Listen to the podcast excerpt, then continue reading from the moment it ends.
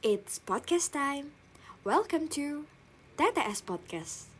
Tempat tongkrongan dan sharing HMKU FK Unut yang siap nemenin kamu dan membahas hal-hal menarik dari segi non-akademik. Halo semua, balik lagi di podcast TTS HMKU. Masih bersama aku Dayu dan rekanku Indah. Tentunya masih dengan Kak Basra sebagai narasumber kita. Kali ini kita lanjut ke subtopik kedua yang pastinya pembahasannya gak kalah menarik nih dari subtopik pertama. Oke, jadi kali ini kita bakal bahas tentang peran berpikir kritis dalam kehidupan mahasiswa. Oke, benar banget Dayu. Lanjut langsung aja nih kita ke pertanyaan yang pertama.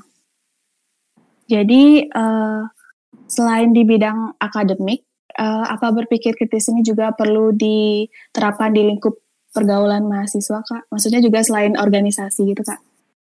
Penting banget dan sebenarnya kalau menurut gue ya, memang kita lebih justru bisa berpikir kritis pada uh, dunia non akademik ya. Karena di situ kita lebih banyak uh, menemukan hal-hal yang bisa kita capai yang kita dapat ya. Ada teori kan yang bilang teori motivasi ya. Karena tadi saya bilang bahwa kri uh, berpikir kritis itu kaitannya erat banget sama motivasi diri. Nah ada teori Bloom kan yang bilang bahwa uh, ada lima aspek yang memenuhi motivasi seseorang. Seperti ada pencapaian ya ada interaksi sosial, ada rasa aman, rasa nyaman, ya kan?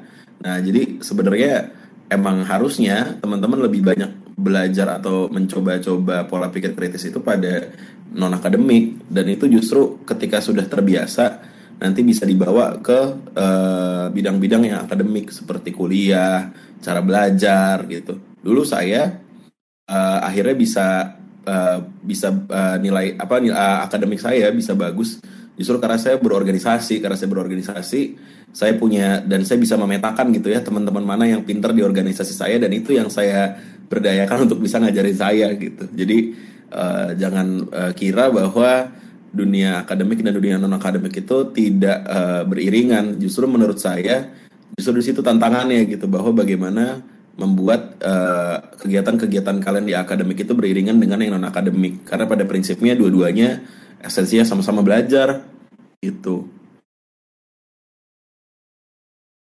Wah, benar juga ya, Kak.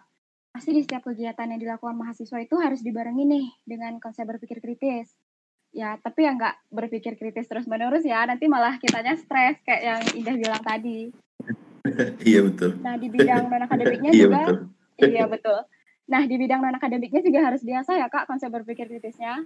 Karena uh, seperti yang Kakak jelasin tadi, bidang akademik dan bidang non akademik itu selalu beriringan supaya masa kuliah kita juga berwarna kan kita ada ikut kegiatan non akademik di samping akademik uh, yang kita push terus. Betul, betul. Yang begitu, begitu. Nah, lanjut nih Kak. Uh, namun kita semua juga tahu ya kalau berpikir kritis itu bukanlah hal yang mudah untuk dilakukan.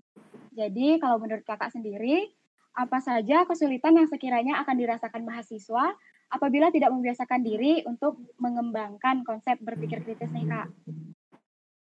Ya, sebenarnya salah satu yang jadi masalah ketika orang tidak terbiasa untuk bisa berpikir dan kritis dan juga dinamis sebenarnya ya adalah gagu terhadap perubahan gitu. Jadi kaku gitu ketika ada masalah, bingung ini gimana nyelesainnya, ini apa mas, bahkan bingung ini masalahnya apa gitu. Jadi dan akhirnya penyelesaian-penyelesaian masalah orang yang jarang terlatih untuk bisa berpikir kritis sering dicoba sama masalah-masalah yang ada di kehidupan sehari-hari ya dia jadi salah dalam mengambil keputusan dalam masalah masalah-masalah yang ada di depan mata gitu. Jadi kalau mau belajar bisa jadi orang yang terampil dalam kehidupan sehari-hari karena setiap hari pasti kita kan menghadapi masalah ya dan kita diminta untuk ngambil keputusan setiap hari. Seperti kita akan bangun pagi atau tidak kita akan makan siang ini atau tidak. Itu kan masalah dan keputusan yang harus kita ambil setiap hari. Kalau teman-teman tidak terampil dalam mengambil keputusan maka teman-teman akan menjadi orang yang banyak masalah dan akhirnya juga nggak bijaksana dalam apa dalam menyelesaikan masalah. Dan akhirnya jadi terlihat banyak masalah di depan mata orang lain gitu Berarti kita nggak boleh benar-benar menutup telinga ya kak sama keadaan di sekitar kita supaya kita juga bisa melatih berpikir kritis dengan masalah-masalah yang ada gitu ya kak ya. Iya dan memang anak muda itu tempatnya nyari masalah gitu. Emang anak muda itu harus nyari masalah.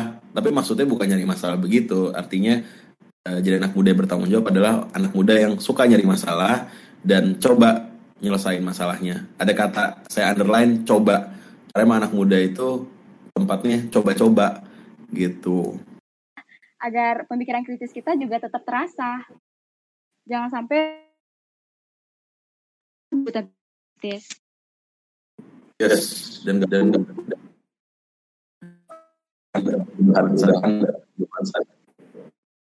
jadi kalau kita jadi anak muda harus berani berinovasi, nggak boleh males-malesan berpikir kritis, utamanya dalam menyelesaikan sebuah masalah.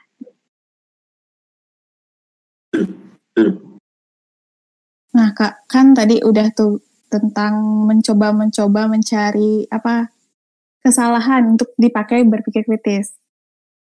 Nah, menurut kakak, nanti, eh, apa sih manfaat yang kira-kira dapat dirasakan oleh mahasiswa apabila nanti sudah membiasakan diri untuk mengembangkan konsep berpikir kritis ini, kak?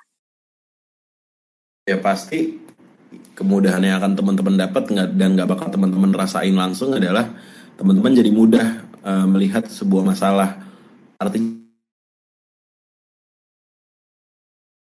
kira-kira caranya nyelesainnya gimana?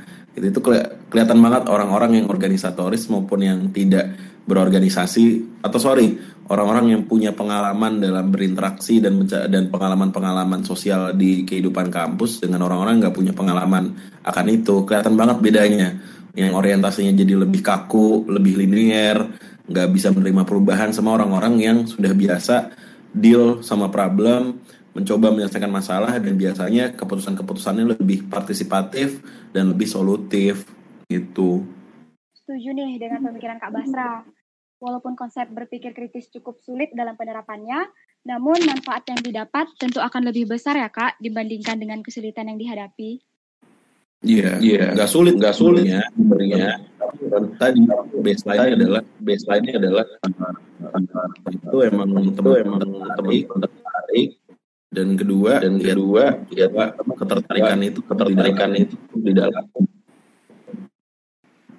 Benar banget kita jadi bisa lihat sisi lain dari sebuah masalah ya jadi kita bisa memanfaatkan sebuah masalah yang sedang kita hadapi untuk dijadikan tempat belajar agar lebih bisa baik lagi ke depannya nah kemudian nih kak kalau dari pengalaman kakak apa saja pengaruh yang dapat kita berikan kepada lingkungan sekitar apabila kita telah membiasakan diri dalam menerapkan konsep berpikir kritis? Ya, nomor satu pasti kalau bicara lu udah biasa berpikir kritis, lu akan lebih terampil dalam menyelesaikan masalah-masalah lu.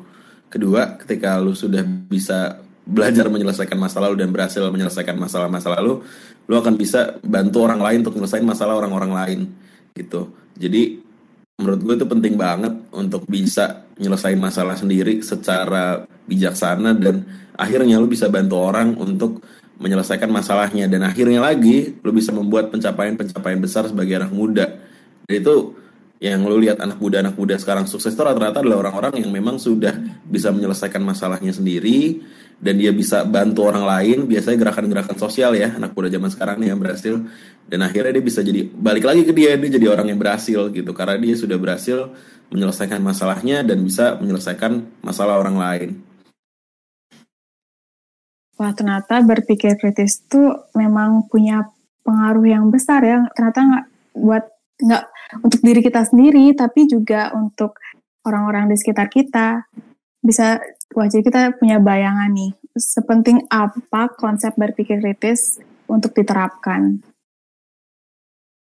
Betul banget dah. Jadi kita intinya jangan sampai males ya untuk menerapkan konsep berpikir kritis. Oke, karena pertanyaan tadi merupakan pertanyaan terakhir, jadi kita juga ada kumpulan pertanyaan dari teman-teman TTS HMKU yang udah kita kumpulkan dari question box dan kita pilih nih pertanyaan yang menarik untuk dibahas. Oke, kita bakal masuk ke pertanyaan yang pertama. Jadi, critical thinking berkaitan erat dengan critical literasi, di mana critical thinking menjadi basic skill yang diperlukan dalam mencerna suatu literasi dengan penuh kesadaran dan secara kritis mempertanyakan, memeriksa, memperdebatkan, dan mengevaluasi validitas suatu informasi yang diberikan dari suatu sumber. Nah, kalau pendapat kakak, bagaimana uh, uh, pendapat kakak mengenai pentingnya pengaplikasian critical literasi ini dalam proses pembelajaran di Fakultas Kedokteran, Kak. Ya, penting banget karena uh, critical literasi ini seperti ini teman-teman. Nomor satu, ilmu kedokteran tuh banyak banget, sangat uh, multidisipliner ya. Misalnya kita bicara tentang banyak banget uh, apa namanya sistem tubuh sistem tubuh kita tuh banyak banget ya kan? Ada yang dari endokrin pernapasan jantung tuh banyak banget. Belum lagi nanti bicara tentang dimensi obatnya ya dari farmakologinya. Belum lagi dimensi anatomi fisiologi patofisiologi itu banyak banget. Jadi penting banget satu untuk bisa memetakan dan mengarsip ilmu yang ada di otak kita ini secara betul. Agar apa? Agar gak gampang lupa itu nomor satu jadi critical literasi itu bicara tentang uh, satu bagaimana teman-teman bisa mengarsip dan uh, menginventarisir informasi atau pengetahuan yang teman-teman dapat selama kuliah agar bisa lebih gampang ketika dibutuhkan untuk di diproses. Yang kedua adalah bicara tentang bagaimana ketika menerima informasi dari luar dan bagaimana mendalami itu secara uh, komprehensif. Kalau di jurnal kita diajari namanya critical appraisal ya. Ya kan kalau teman-teman belajar namanya critical appraisal. Tapi juga sebenarnya secara prinsip dan secara umum adalah bagaimana mengetahui tingkatan kalau kita belajar teman-teman tahu yang namanya ada evidence base medicine ya tingkatan tertinggi ya evidence based puncak piramida dari uh, keilmuan gitu dinyatakan itu proof adalah sudah berbasis bukti ya yang ada uh, piramidanya ada banyak tuh. Ada yang systematic literature review ada yang meta analisis sampai terakhir opini yang paling bawah. Nah penting sekali teman-teman untuk memahami piramida evidence based medicine bahwa opini itu adalah tingkat rendah dari uh, tingkatan pengetahuan. Nah, makanya sekarang banyak kan teman-teman melihat ada opini A, opini B. Sadarilah bahwa itu sebenarnya adalah tingkat rendah dari sebuah pengetahuan dan sebelum itu diperdebatkan, coba kaji dulu ada gak metode-metode atau tingkatan-tingkatan yang lebih tinggi dari sekedar opini yang bisa dijadikan dasar referensi dalam menerima sebuah keilmuan. Seperti tadi ada nanti ada teman-teman bicara tentang uh, systematic literature review, lalu ada lagi meta analisis, ada lagi Eh, kontrol, case control, cohort dan lain sebagainya itu banyak tuh. Teman-teman bisa baca tuh piramida evidence base. Nah, itu dia tadi jawaban dari Kak Basra. Yang mungkin bisa jadi acuan untuk teman-teman semua yang punya hobi berliterasi agar bisa memadu padankan konsep critical thinking dengan critical literasi agar mampu menyaring dan memilah informasi yang didapatkan saat berliterasi utamanya opini ya Kak, karena opini itu kan seperti yang Kak Basra jelaskan tadi masih tingkatan terendah dalam keilmuan. Jadi harus dipakai juga konsep berpikir kritisnya. Betul, betul. Karena karena uh, gini Dayu dan Dayu. Jadi uh, kita nih di era yang serba cepat dan sekarang eranya cukup uh, bisa dikatakan era krisis ya. Dan memang uh, penyebaran informasi itu sangat cepat, sangat banyak. Bahkan WHO bilang infodemi dan tantangannya adalah sebagai anak kedokteran dan uh, masyarakat secara umum adalah yang masyarakat umum yang paham akan isu medis adalah bahwa masyarakat kita ini juga mendapatkan informasi yang sama kayak kita tapi punya pengetahuan yang sama kayak kita makanya sekarang banyak sekali info-info ada pengobatan A untuk COVID yang bagus lalu, lalu semua orang beli ada produk susu tertentu yang bagus untuk meningkatkan imun jadi orang langsung panic buying karena itu karena masyarakat kita itu tidak punya kerangka berpikir yang kayak kita yang di, yang tadi saya bilang ada piramida evidence based medicine. Mereka itu by testimony kalau orang bilang. Nah, inilah penting banget anak kedokteran jangan sampai uh, apa namanya ya? Jangan sampai ter apa namanya ter terpacu sama yang namanya opini-opini semata yang kalau bahasa kerennya testimoni tanpa menelaah betul sebenarnya ini hanya sekedar opini atau memang ada kajian-kajian ilmiahnya yang membuktikan gitu. Wah, penting banget tuh berarti critical literasi dan critical thinking terutama untuk kita yang nantinya akan memberikan informasi-informasi kepada masyarakat terkait kesehatan tentunya. Oke, kita lanjut ke pertanyaan berikutnya. Jadi Kak, untuk menjaga pikiran tetap terbuka merupakan hal yang cukup penting dalam critical thinking, di mana dengan berpikir terbuka ini kita dapat melihat suatu masalah dari berbagai perspektif dan paradigma yang berbeda-beda, baik secara personal maupun dalam kelompok masyarakat. Nah, apakah ada cara untuk membantu kita tetap berpikir terbuka bahkan pada saat dibatasi dengan waktu yang sempit, terutama dalam keadaan-keadaan emergensi, mengingat kita nantinya akan bekerja di lapangan uh, setelah lulus kuliah, Kak.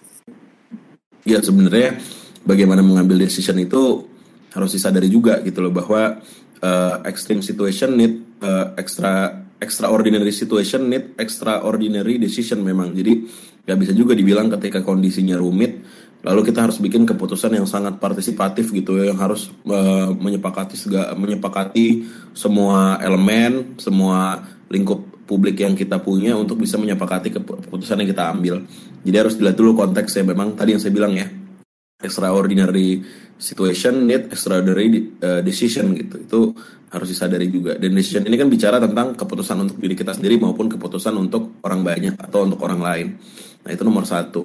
Nomor dua, ketika bicara berpikir kritis, nah ini yang kadang agak rumit nih teman-teman ketika implementasi dari berpikir kritis. Ketika kita berusaha berpikir kritis, kadang kita juga ngerasa jadi yang paling benar.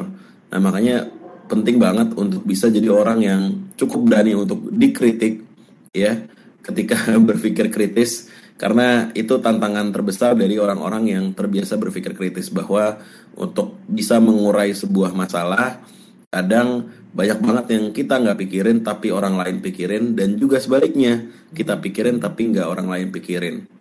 Gitu. Nah kak mau nanya nih kan kita pasti melakukan pemikiran kritis dalam suatu masalah. Nah orang lain juga misalnya kita dalam suatu kelompok orang lain juga pasti melakukan yang hal hal yang sama ya kan kak. Terus gimana untuk memadukan atau mencapai pemikiran yang pas gitu dengan kedua pikiran yang bisa saja berbeda gitu kak? ya biasanya dipetain dulu yang lu pikirin apa, yang dia pikirin apa, hasil dari buah pikiran dia memutuskan uh, kecenderungannya ke mana dan lu ke mana. Lihat dulu ada alignmentnya nggak. Satu ternyata lu berpikir di tempat yang sama dari isu yang sama dan uh, kecenderungannya berbeda. Berarti kan kecenderungannya harus disepakati kan. Tapi kalau ternyata lu berpikir dari sudut pandang yang berbeda dan dia dari sudut pandang yang berbeda, tapi topiknya sama, tinggal di dipadu padankan aja. Saya ambil contoh, misalnya dalam berorganisasi, kita ada beberapa orang yang lebih fokus pada isu pengembangan acara, tapi ada juga yang lebih fokus pada pengembangan pendanaan. Yang sebenarnya kan kaitannya sama aja sama bagaimana program bisa berjalan kan? Yang kayak gitu-gitu nggak perlu dikritisin terlalu dalam. Tinggal dibiarkan mereka berkembang di sisinya masing-masing agar mereka bisa saling melengkapi dan akhirnya programnya bisa berjalan. Tapi kalau misalnya ada dua kelompok yang sama-sama berpikir tentang bagaimana pendanaan bisa berjalan dari metode atau opini yang berbeda nah tinggal dilihat bedanya di mana. Kalau ternyata sama-sama bisa jalan ya jalan aja gitu jadi ada ada gaya kepemudaan yang sekarang lagi banyak dicoba dan memang eranya seperti itu era era era era teknologi ini membuat kita jadi lebih mudah untuk berkolaborasi dibanding kompetisi teman-teman. Nah ada yang bilang namanya uh, nama bahasa kerennya adalah connecting the dots, reinforcing existing pattern. Jadi dibanding membuat dibanding membuat pola baru, atau kesepakatan baru lebih baik uh, memperkuat pola-pola atau kesepakatan atau pemikiran yang sudah ada menjadi satu uh, pola yang jadi pola bersama gitu. Jadi bahasanya reinforcing the existing pattern bilangnya. Wah mantep banget nih jawabannya Kak Basra. Bener ya walaupun kita punya pemikiran yang berbeda tetapi ya enggak harus dipaksain jadi satu. Kadang-kadang walaupun pemikiran yang berbeda itu kalau dijalanin bareng-bareng malah bakal lebih bagus hasilnya. Bener nggak, Anda? Oke, bener banget. Itu makanya kita perlu untuk ikut organisasi agar terbiasa kita berpikir kritis di dalam suatu kelompok. Oke kak, lanjut ke pertanyaan berikutnya. Jadi uh, critical thinking itu kan mencangkup mempertanyakan suatu masalah mendefinisikan masalah tersebut, memeriksa bukti dan fakta terkait masalah, menganalisis asumsi dan bias terkait masalah dan lain sebagainya, Kak. Nah, menurut Kakak, apa saja hal yang harus diperhatikan untuk mencegah bias dan asumsi pribadi yang dapat menyebabkan isu dalam critical thinking, terutama pada saat pembelajaran di FK?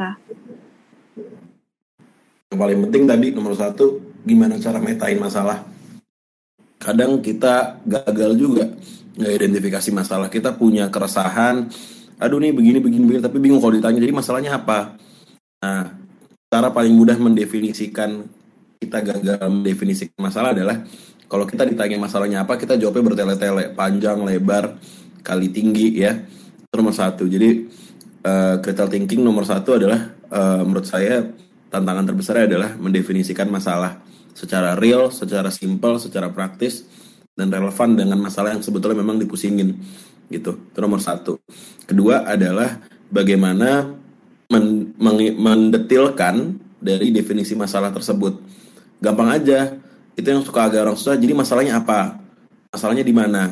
Masalahnya kenapa? Kadang kita kalau ditanya masalahnya kenapa sih gitu. Itu udah orang udah kalau udah emosi kan agak sulit untuk menjelaskan tuh ya. Nah, itu yang jadi tantangan juga sebenarnya. Dan harus diperhatikan. Bagaimana kalau ngeliat masalah tarik napas yang dalam coba definisikan dulu ini masalahnya apa? Masalahnya di bagian mana? Masalahnya kenapa? Masalahnya gimana? Dan lain sebagainya. Sampai lima satu hal itu terpenuhi dan baru kalau udah kelihatan. Bahkan saya dulu sempat mendefinisikan masalah itu dengan menulis. Untuk melatih. Karena kerangka berpikir itu kan imajinasi. Dan kadang imajinasi butuh visualisasi. Makanya saya sering banget uh, bilang sama uh, junior-junior saya gitu di kampus kalau teman-teman agak sulit meng, apa mendefinisikan critical thinking dengan baik bahwa pikiran itu butuh imajinasi maka gunakanlah visualisasi. Gitu. Jadi uh, menulis ditulis apa aja masalah listing ternyata dilihat oh ini yang gue tulis ngaco nih ini ngaco nih ngaco ternyata cuma ini kayak gitu. Jadi tantangannya itu. Jadi kadang kita hmm, tidak uh, kita punya tantangan pada mengimajinasikan kerangka berpikir atau uh, cara berpikir untuk mendalami sesuatu dalam kurung critical thinking. Jadi tulis aja, jangan males buat nulis apa yang kita pikirin. Siapa tahu jadi buku. Wah, berarti kalau caranya Kak Basra ini dengan menulis, mungkin yang teman yang lain mungkin bisa mengeksplor bagaimana cara menyelesaikan masalah. Tentunya dengan menganalisis masalah itu sendiri. Wadai, saking Wadai, menariknya, saking... menariknya subtopik ini kita sampai nggak kerasa kalau itu tuh pertanyaan terakhir dari subtopik kita yang kedua ini. Ya, bener juga Ninda. Eits, tapi tenang aja. Kita masih ada subtopik ketiga yang bakal mengajak teman-teman semua untuk membahas mengenai konsep berpikir kritis lebih lanjut. Wah, jadi nggak sabar nih untuk subtopik kita kali ini. Mungkin kita cukupkan sampai di sini dan untuk kalian para pendengar setia jangan ke mana-mana karena seperti yang kita udah bilang tadi akan ada subtopik ketiga yang akan segera hadir. Terima kasih sudah mendengarkan. Bye bye.